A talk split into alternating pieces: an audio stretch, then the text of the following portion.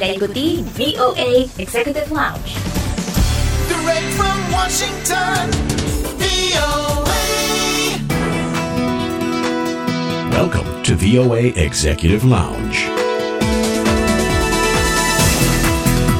Dari VOA di Washington DC, hello, apa kabar? Senang sekali kita berdua bisa kembali lagi menemani Anda beraktivitas pada kesempatan kali ini. Seperti biasa di VOA Executive Lounge. Saya Aryono Arifin. Dan saya Dania Iman, seperti tadi Ari bilang di Bio Executive Lounge, di mana Anda bisa mendengarkan beragam cerita mengenai orang-orang Indonesia di mancanegara. Ya, tidak kelupaan juga Mhm. info seputar gaya hidup, kesehatan, dan entertainment. Ya, nah bisa keliling dunia karena memang liburan atau pekerjaan pastinya akan menjadi kenangan ya. Bener banget Dan, ini selain menambah pengalaman, bisa melihat tempat-tempat baru. Tuh, gitu. kali ini di Bio Executive Lounge kita akan ngobrol bareng dengan warga Indonesia Wanda Harahap yang tengah berada di Amerika untuk pertama kalinya karena ditugaskan oleh kantornya. Wah, ndak tahu.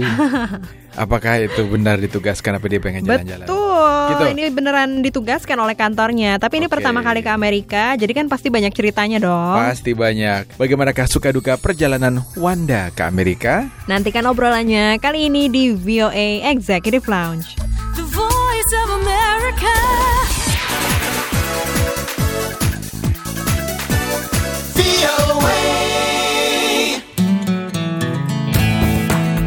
Masih di VOA Executive Lounge bersama Ari juga Dania dari Washington DC. Sebelum kita mendengarkan cerita dari Wanda Harahap mengenai pengalamannya berkunjung ke Amerika Serikat, berikut ada informasi dari dunia politik, terutama menjelang pemilu di Amerika. Nah, seperti apa ya detik-detik menjelang pemilu di Amerika? Selengkapnya. Detik menjelang pemilu. Betul, langsung aja kita simak bersama Lea Johannes.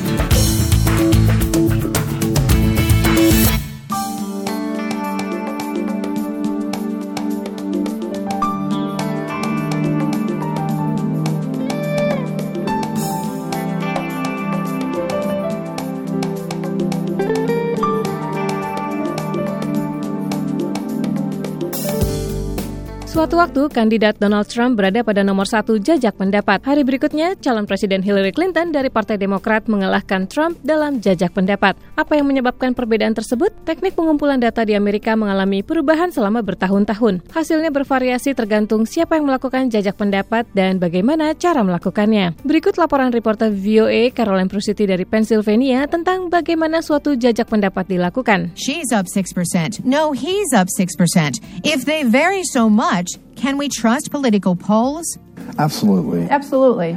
David Tatwin menjalankan metodologi di SSRS, sebuah perusahaan survei di mana ratusan pewawancara mengumpulkan sekitar 20 opini publik mulai dari topik kesehatan masyarakat, produk konsumen, hingga kandidat politik lewat telepon. Perusahaan itu bekerja sama dengan stasiun televisi ABC, CBS, dan harian The New York Times, serta sejumlah organisasi lainnya untuk melakukan jajak pendapat tentang pemilihan presiden. Jajak pendapat itu dilakukan sejak bulan Agustus lalu untuk mengetahui dukungan terhadap kandidat presiden. Data yang dikumpulkan lewat internet tidak dapat diandalkan, sedangkan pengumpulan opini dari rumah ke rumah juga memakan biaya besar. Jadi perusahaan-perusahaan survei menggunakan telepon untuk mendapatkan opini publik. Namun, kata David, keadaan sudah berubah yaitu kebanyakan warga lebih memiliki ponsel dibandingkan telepon rumah. Lots of things have changed. Half of the United States uh, households don't own a landline phone anymore. Hukum melarang penggunaan rekaman suara untuk menelpon ke ponsel. Jadi pewawancara harus berbicara langsung dengan responden. Seringkali mereka menemui kesulitan karena orang yang diajak berbicara sedang sibuk, tidak punya waktu atau sedang menyetir. Itulah yang sering dialami Valentina Martinez dan Russell Lance dari perusahaan survei SSRS saat menelpon responden. Hello, my name is Valentina Martinez. They'll just hang up right away. Hello, ma'am. My name is Russ Land. Oh, I'm sorry, ma'am. Uh, uh, when would be a better time to call you? They don't have the time. They're busy.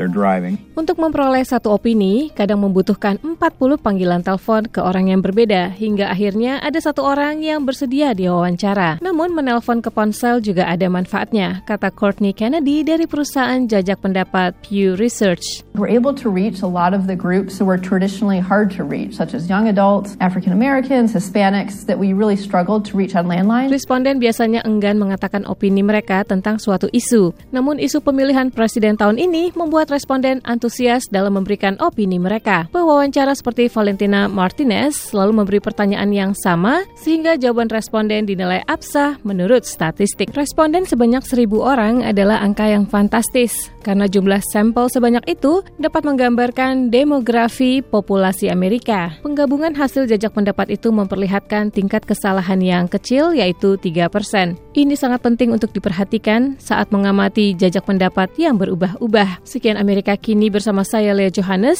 dari studio VOA di Washington DC. The voice of America.